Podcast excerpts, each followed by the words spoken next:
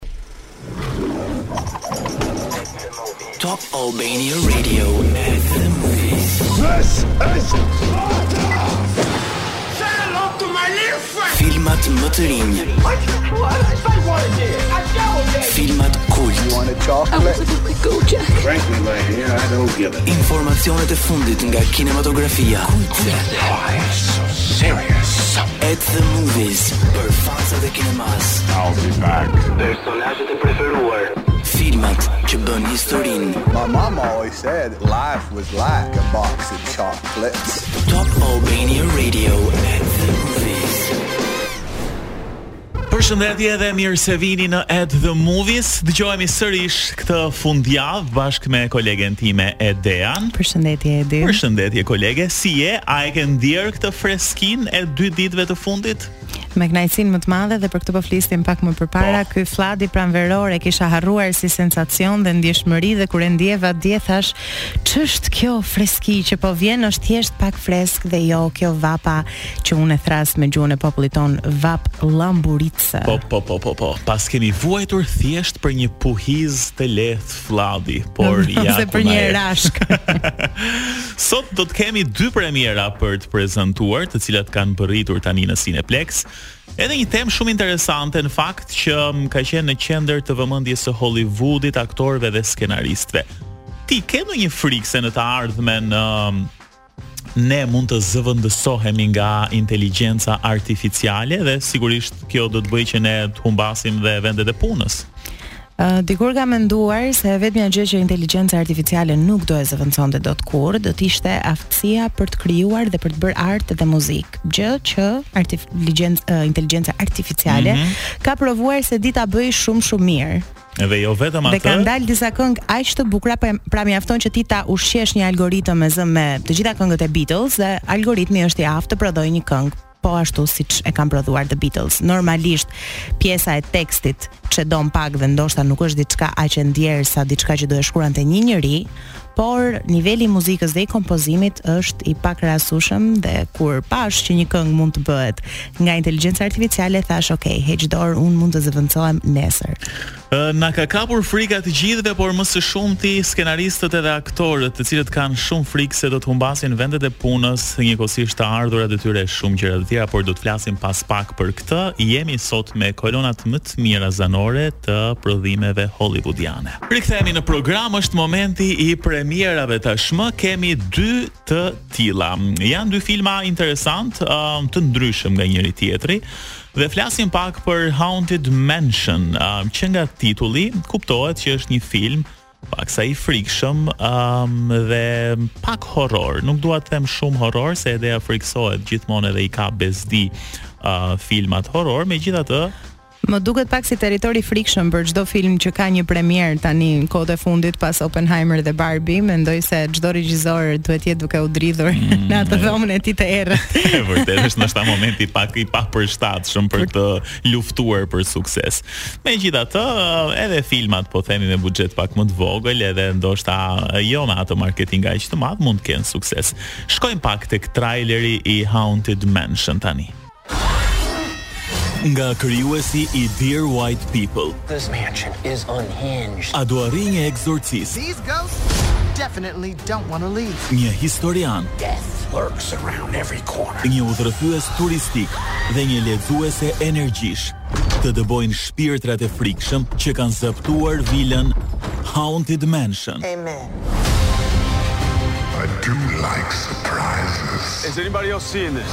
I hope you do too. Në Cineplexx TEG dhe QTU. Haunted Mansion tregon historinë e Gabby, një nëne beqare, e cila punëson një guidë turistike, një lexuese energjish, një prift dhe një historian për ta ndihmuar në eksorcizmin e shtëpisë së saj, të cilën ajo sapo e ka blerë dhe si gjithmonë në këto filmat horror zbulon se është e pushtuar nga, nga shpirtrat. Kur uh, përmende lexuesen e energjive, nuk e di pse bëra një krahasim me ty, edhe ti je një lexuese e mirë energjish. Patjetër. Domethënë arrin ta perceptosh një person dhe energjitë e tij që në takimin e parë. Po, po, ju lutem mos më bini telefonit për të larguar shpirtra, maksimumi jo, jo. energjitë jo. në, në një tavolinë kafeje mund t'i lexoj. Deri te energjitë. Ky është një remake um, i një filmi të Eddie Murphy bërë para pak vitesh me të njëjtin uh, titull, po ai ka edhe pak nota humori, po themi dhe komedie, ndërsa Haunted Mansion i 2023-shit është tërësisht i frikshëm. Megjithatë, përmendëm pak më parë që ndoshta është Momenti jo i përshtatshëm se është në qarkullim Barbie Oppenheimer, por kasti ishte shumë interesant i Haunted Mansion. Më erdhi një pyetje shumë interesante tani se shoh që Gabby që është roli protagonist në filmin Haunted Mansion ka punësuar thuajse 4 deri në 5 persona për të larguar këto shpirtrat. A thua ti do vijë dita që inteligjenca artificiale do arrijë të bëjë një eksorcizëm të mirë?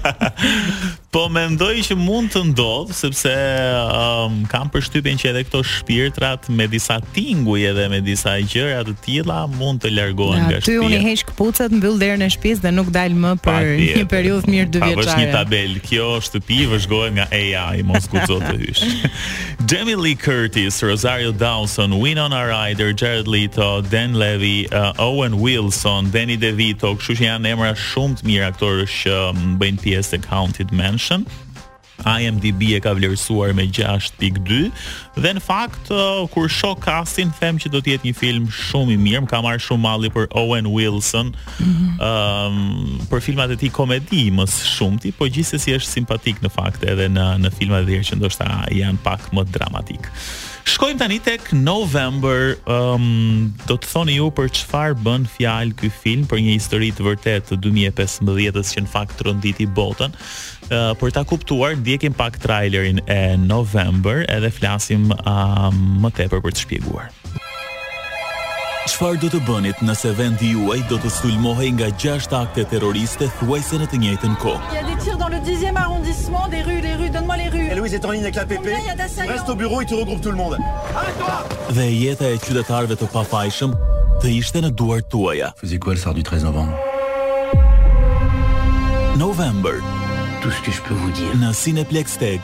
dhe që të uftë.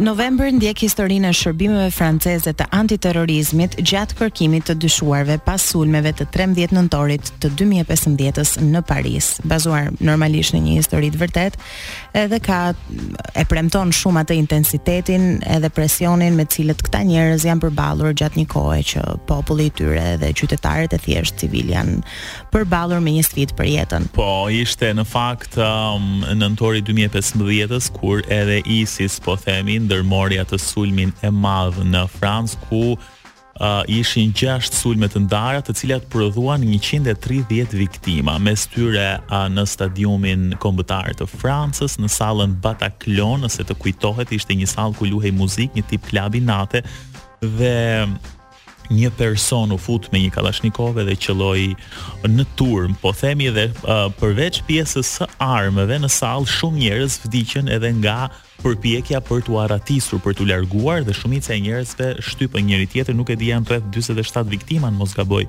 në sallën Bataclan, diku tek 18 a tek pjesa e stadiumit, pra në total ishin 130 viktima që tronditën jo vetëm Francën, por në të gjithë botën sepse Um, e kam shumë të freskët këtë sepse pashë para pak ditësh një dokumentar që fliste për ISIS edhe pasi ata morën një pjesë të territorit të madh në vendin ku ata po qeverisnin në thonjza uh, më pas lëshuan po themi terroristët në Evropë në mënyrë që um, këtë frikën ta përhapnin edhe tek vendet e Evropës dhe kjo në fakt ishte goditja e parë që ata bënë gjatë një serie të cilat u bënë në disa shtete Dhe deri në një farë mënyre ja arritën qëllimit, po edhe aty po themi um, antiterrori mori një kthesë tjetër. Kështu që um, për të gjithë ju që i keni uh, qejf filmat bazuar në ngjarje të vërteta, do të kuptoni shumë edhe se si uh, punojnë shërbimet sekrete për të kapur mm, uh, autor. Pikërisht kjo ishte gjëja që mua më duk shumë interesante, fakti që kryesisht ne kur shohim një ngjarje të vërtetë, e shohim nga këndvështrimi i viktimës, Por në November do ta shikoni nga këndvështrimi i njerëzve që kanë punuar tek shërbimet antiterroriste dhe mendoj që është shumë interesante ta shohësh një histori nga të gjitha anët e monedhës së saj. Pra shohim gjithmonë ose viktimën ose të ligun ose villenin e ngjarjes, por nuk shohim kurrë këndvështrimin e atyre që po mundoheshin vërtet të jepnin një zgjidhje. net të tëra pa gjumë edhe as nuk dua të futem në lëkurën e një agjenti të njësive të antiterrorit se çfarë mund të ndodhë. Meqë sot po e lidhim me inteligjencën artificiale çdo gjë, Rule the World ia dedikojmë këtë AI-t. Rikthehemi sërish, do të ndalemi pak tani tek të rejat më të fundit të kinematografisë për lajmet të cilat kanë qarkulluar këtë javë, po themi edhe natyrisht ne e përmendëm edhe pak më parë. Barbie edhe Oppenheimer kanë qenë kryefjala e lajmeve të kinematografisë. Duhet thënë se Barbie ka thyer një rekord, um, e theu në fakt në fillim uh, si filmi që arkëtoi më shumë para gjatë javës së parë me rreth 155 milion dollarë. Por duket se filmi me uh, regji të Greta Gerwig zuri vendin e parë edhe duke shënuar debutimin më të madh ndonjëherë për një film të drejtuar nga një regjisore grua, kështu që po themi ka thyer dy rekorde uh, për të njëjtat shifra. Edhe thuhet se është dhe filmi më i mirë i 25 viteve të fundit, sipas Rotten Tomatoes, uh, filmi Mad Max Fury Road është shpallur filmi më i mirë i 25 viteve të fundit në një listë përpiluar nga mm -hmm. Rotten Tomatoes. në të cilin kritikë të ndryshëm filmi japin mendimet e tyre dhe kanë atë rating, pra japin disa yje dhe ato yje të mblidhen pra pak a shumë si një numër për secilin film. Dhe në shënimin e njëzet e pesë vjetorit të faqes, kritikët aprovuan të zgjedhin pesë filmat më të mirë që janë realizuar në njëzet e pesë vitet e fundit, ku Mad Max Fury Road i George Millerit mundi dhe Parazitin dhe madje mundi edhe Mulholland Drive të David Lynch që është një nga filmat më të mirë të të gjitha mm, kohërave, po. por duket sikur Barbie po kryeson dhe po ja u merr në kthesë. Marketingu ka bërë punë dhe jo vetëm fakt njerëzit po e pëlqejnë shumë edhe vetë filmin edhe ato tematikat që përmban, të cilat ti na i ke shpjeguar uh, që në programin e parë në të cilin folëm për Barbin. Ndërkohë, një lajm tjetër sensacional që qarkulloi ishte padyshim Lajmi për Kevin Spacey, i cili u shpall i pafajshëm për akuzat e tij për ngacmime seksuale. Në fakt ishte një moment shumë emocional për të dhe filloi të qante në sallën e gjyqit. Dy herë fituesi i çmimit Oscar u përlot kur gjykatësi tha se lirohet nga të gjitha akuzat për ngacmime seksuale ndaj disa djemve në fakt dhe ishin akuza të cilat shkatërruan jo vetëm karrierën e tij, por edhe anën financiare, projektet e tij dhe shumë gjëra të tjera. Kam përshtypjen që është një një damkë, si të themi, që i mbet atij gjatë um, gjithë jetës edhe pse uh, po themi shpallja i pafajshëm sido që të jetë ka zbutur pak. Lexova dhe diku që edhe vetë Elton John uh, kishte deklaruar mm -hmm. se është i pafajshëm dhe madje kishte mbrojtur edhe në gjyq. Sa të vërteta dhe sa të pavërteta janë këto, nuk besoj se ne kemi informacionin e duhur për ta thënë Hollywoodi është një vend i frikshëm për sa i përket uh, fenomenit të ngacmimeve seksuale. Kështu që Megjithatë, uh, Kevin Spacey është uh, një personazh shumë i suksesshëm në Hollywood edhe në fakt uh, duket se do të kthehet. Mbase mund të marrë një pauzë të vogël sa të marrë veten dhe do të kthehet edhe na mungon me thënë të drejtën sepse padyshim është tmerrësisht i talentuar. E kemi të vështirë t'ia heqim atë mantelin aktorit, se e shohim në një film dhe e dashurojmë në atë film dhe themi jo, ai është i pafajshëm, nuk ka bërë asgjë, por e vërteta është që ndoshta ndoshta në jetën e vërtetë të gjithë jemi njerëz të ndryshëm. Kështu që mhm. nuk e di pse kam një, nuk dua të fus kështu spica ose të krijoj këto teoritë e mia konspirative, por Kevin Spacey është një njeri i dyshimt nga sytë, sipas leximit tim të energjive. Është, po mbase mund të jetë thjesht um, performanca e aktorit. Ikim tani dhe kthehemi pas pak për të folur për inteligjencën artificiale dhe zemërimin që ka shkaktuar tek skenaristët dhe aktorët. Mirë, tani do të flasim pak për problematikën e inteligjencës artificiale. Aktorë të Hollywoodit i janë bashkuar një greve të skenaristëve duke nisur atë që paraqet mbylljen më të madhe në industrinë e filmit në mbi 60 vjet. Në fakt, sindikata e aktorëve të ekranit SAG kërkon që të bien dakord um, për një ndarje më të mirë të fitimeve, për kushte më të mira pune dhe njëkohësisht kanë ngritur shqetësimin se inteligjenca artificiale do u marri uh, vendet e punës dhe um, aktorët do të zëvendësohen nga robotë dhe kjo në fakt kur e mendon është e frikshme. Edhe nuk janë pak skenaristë që janë të shqetësuar, janë afro 11500, pra duke shkuar tek mm -hmm. 12000, të cilët janë normalisht shumë të shqetësuar, por ka diçka që mua gjithmonë ka bërë përshtypje edhe Dua ta adresoj se mundohem ta përdor këtë emisionin tonë ndoshta për të dhënë dhe një mesazh po, për ata dëgjuesit tanë. Ë uh, gjithmonë kritikët edhe edhe ne si shikues ia japim gjithë këto atributet edhe lavdinë aktorëve dhe regjisorit. Por rrallë herë, do të thënë, jam shumë e sigurt po të të pyes se filmi yt i preferuar kush është skenaristi i mm, tij. Është një përgjigje të cilën ti momentalisht nuk e ke, do duhet të ta lexosh edhe jo gjithmonë ia atribuon atë dashurinë që ke për filmin këtij skenaristit i cili është kujdesur për gjithë atë dialogun që të jetë perfekt. Kështu që mendoj që skenaristët e kanë të vështirë ashtu siç e kanë, tashmë bashkë me AI-n e kanë akoma më të vështirë. Po. Dhe ia justifikoj në mënyrë totale grevën edhe pakënaqësinë mm. e tyre. Sidomos tani që filluan të bëjnë edhe po themi të gjithë njerëzit një ese në në në AI apo ku di unë dhe tani mbase në të ardhmen mund të shkruhet edhe një skenar filmi nga inteligjenca artificiale. Tani që s'u çuan profesorët e matematikës unë nuk e kuptova akoma pse ndodhi kjo. nuk ka ardhur momenti. Ishte një gjë shumë interesante, e cila i ka zemëruar shumë në fakt aktorët dhe um, skenaristët, sepse Netflix së fundmi kishte shpallur një vend të lirë pune për një ekspert të inteligjencës artificiale dhe ai do të merrte një pagë prej 900.000 dollarësh në vit. dhe duket se edhe kjo shifër marramendëse i ka shqetësuar pak uh, aktorët dhe skenaristët, uh, duke qenë se me këtë pagë mund të punësoheshin disa skenaristë të bënin ndoshta punë më të mirë sesa t'i besohej inteligjencës artificiale. Megjithatë, ky është një debat që ndoshta nuk do të ketë fund, sepse uh, unë për vete mendoj që do të jetë e pashmangshme që inteligjenca artificiale të ndërhyjë në jetët tona dhe sigurisht të shkurtojë disa vende pune. Kjo mbase do dojë shumë kohë, por në një të ardhme unë, edhe pse më vjen keq ta them, mendoj që kjo ka për të ndodhur. Netflix qenka frymëzuar nga episodi i parë i Black Mirror në të cilin mm. një aktoreje i merret imazhi, pra aktorja nuk po luan vërtet në film, por imazhi i saj i prodhuar nga inteligjenca artificiale luan çdo skenë dhe ne kemi folur dhe këtu është ai momenti që kur juve pranoni ato terms dhe conditions të çdo aplikacioni që shkarkoni, ndoshta dhe mund të përgjoheni.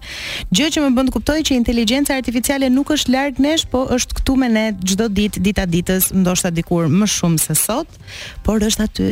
Është aty, është aty. Mirë, ne jemi në fund, shpallim shpejt e shpejt fituesen e kuicit të javës që po lëmë pas, është Mila, e cila ka gjetur shprehjen e saktë I'm serious and don't call me Shirley nga filmi Airplane i vitit një mijë e nëntëqind e tetëdhjetë. Gjetëm një film shumë të vjetër, por i kemi njohës shumë të mirë të filmit. Jemi në fund tani, bashkë do të jemi edhe të premten e ardhshme, ndoshta për të bërë pak një përmbledhje të atyre çfarë kemi bërë gjithë këtë sezon edhe për t'ju sugjeruar filmat e fundit dhe për t'u ritakuar sërish në sezonin e ardhshëm. Kalofshi bukur dhe mirë qofshi.